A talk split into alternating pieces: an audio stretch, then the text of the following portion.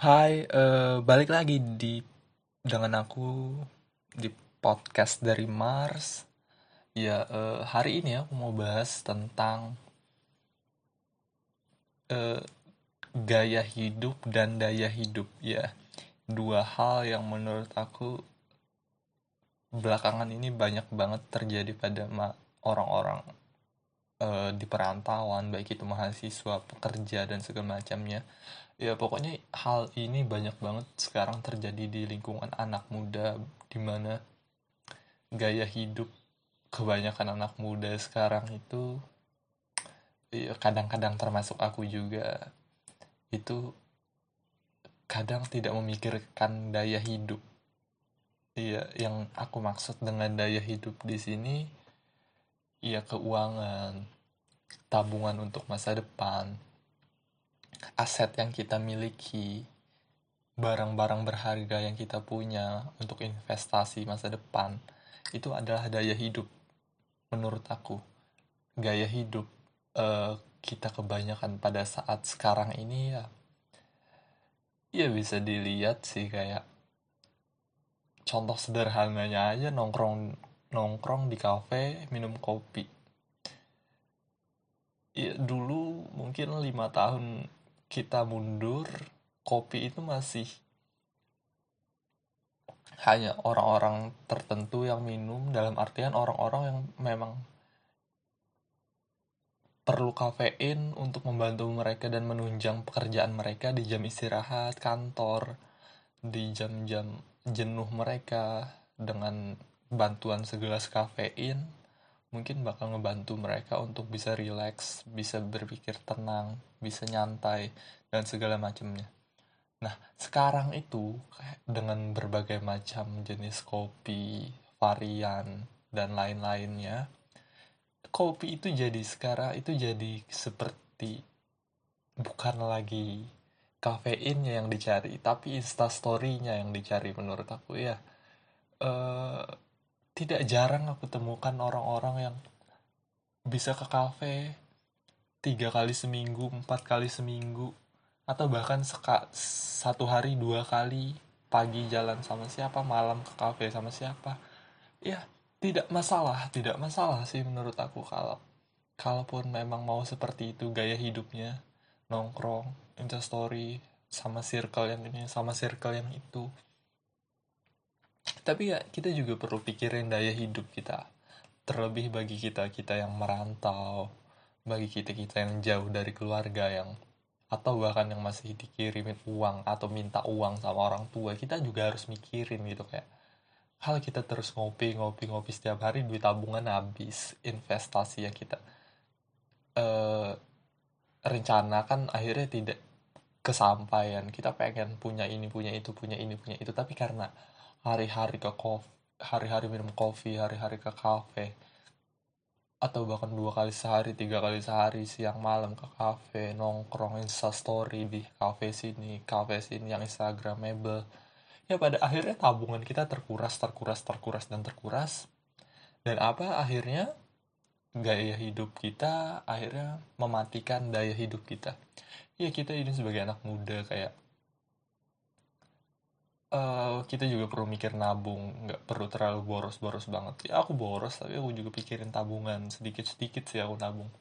Ya aku minum kopi itu satu kali satu minggu.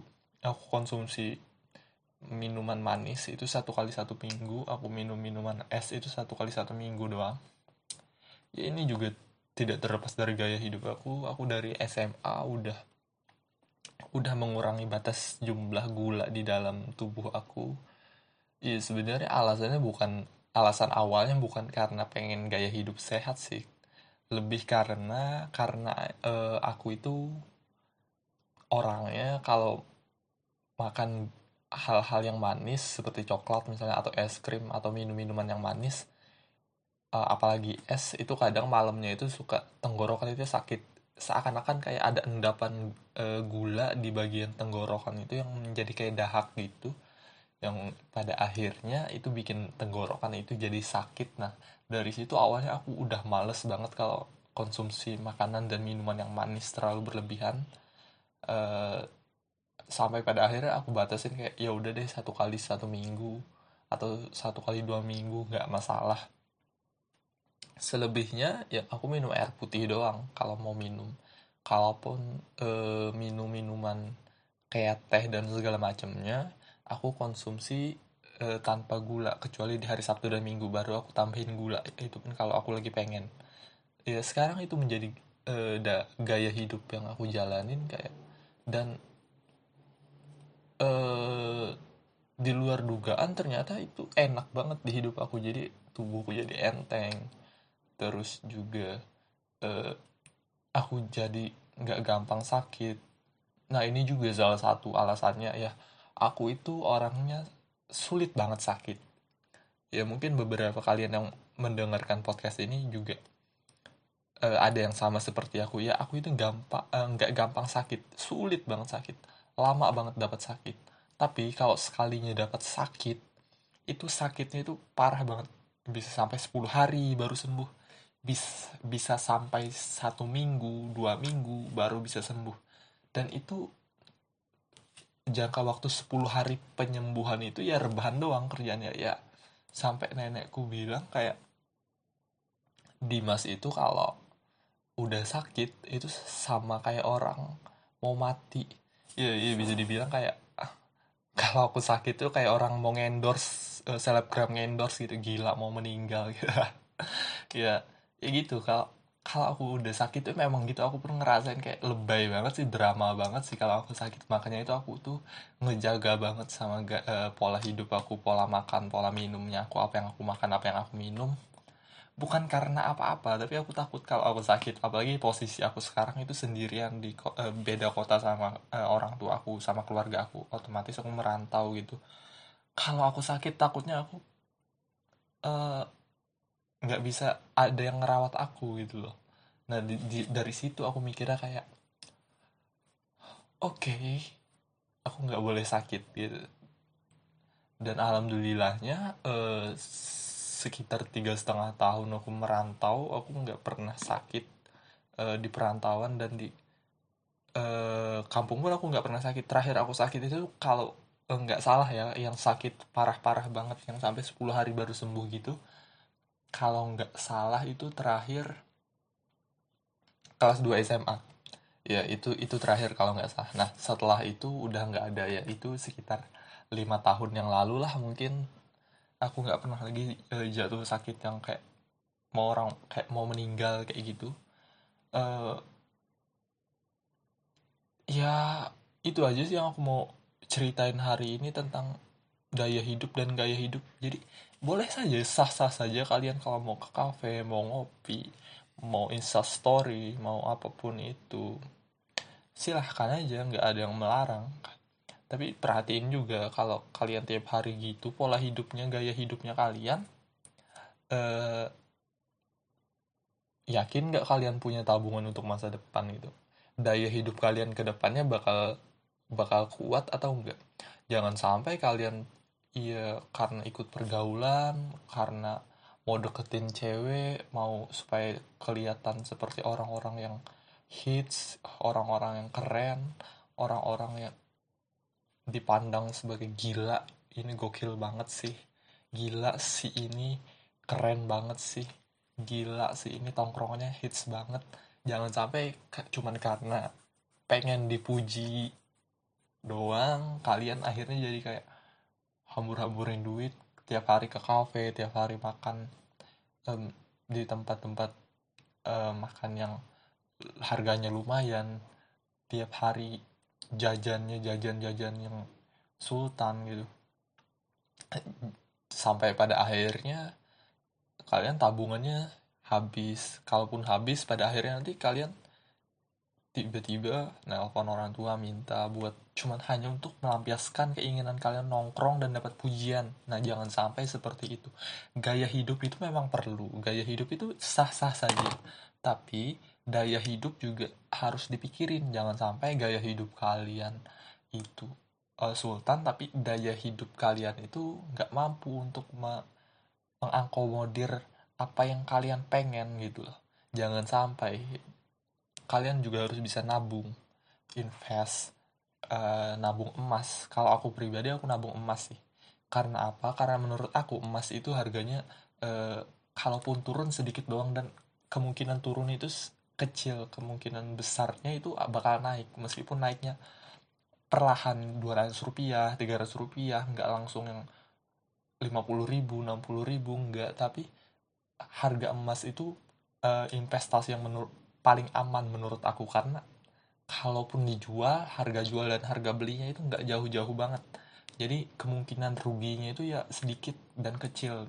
Atau kalau kalian mau simpan dalam jangka waktu panjang kalian mungkin bisa untung gitu. Aku sih gitu. Jadi sah-sah saja kalian mau nongkrong tapi dibatasin. Ya dijadwalin lah kalau bisa.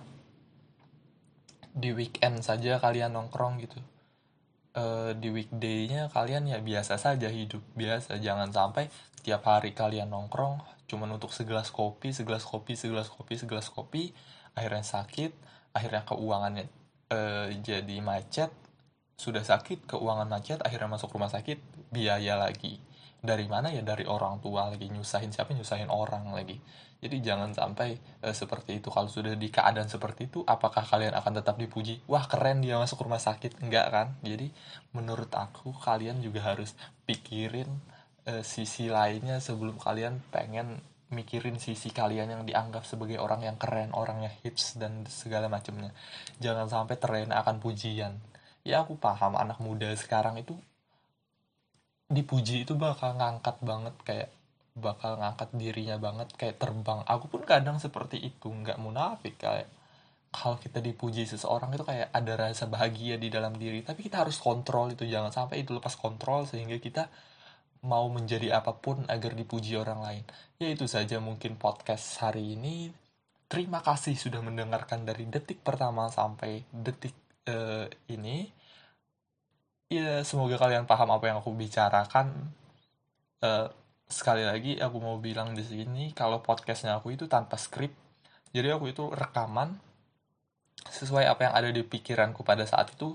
Kalau aku udah dapet ide aku udah dapet cerita kayak kayaknya asik kalau aku cerita ini dan ngebahas ini di podcast. Ya udah aku duduk di meja kerja aku aku rekaman ya udah jalan aja. Apa pun yang aku omongin ya itulah yang keluar dari mulutku dan dari pikiranku jadi eh, nikmatin saja kalau alurnya baju mundur ya dipahami karena ini tanpa skrip karena menurut aku lebih natural kalau aku berpikir langsung dan dibicarakan langsung. Kalau pakai skrip ini jatuhnya kayak ya dibuat-buat untuk mencari lucunya untuk mencari kerennya untuk membuat kata-kata yang aku aku belum mampu untuk ke arah situ. Meskipun aku bisa ngebuat skrip tapi aku ngerasa kayak aku lebih baik untuk ngomong spontan sekarang jadi mohon maaf kalau kalian uh, agak bingung dalam alurnya yang belibet kadang maju kadang mundur. Ya, tapi inilah aku dengan pikiran aku. Terima kasih sekali lagi. Sampai ketemu di podcast dari Mars episode berikutnya dan see ya.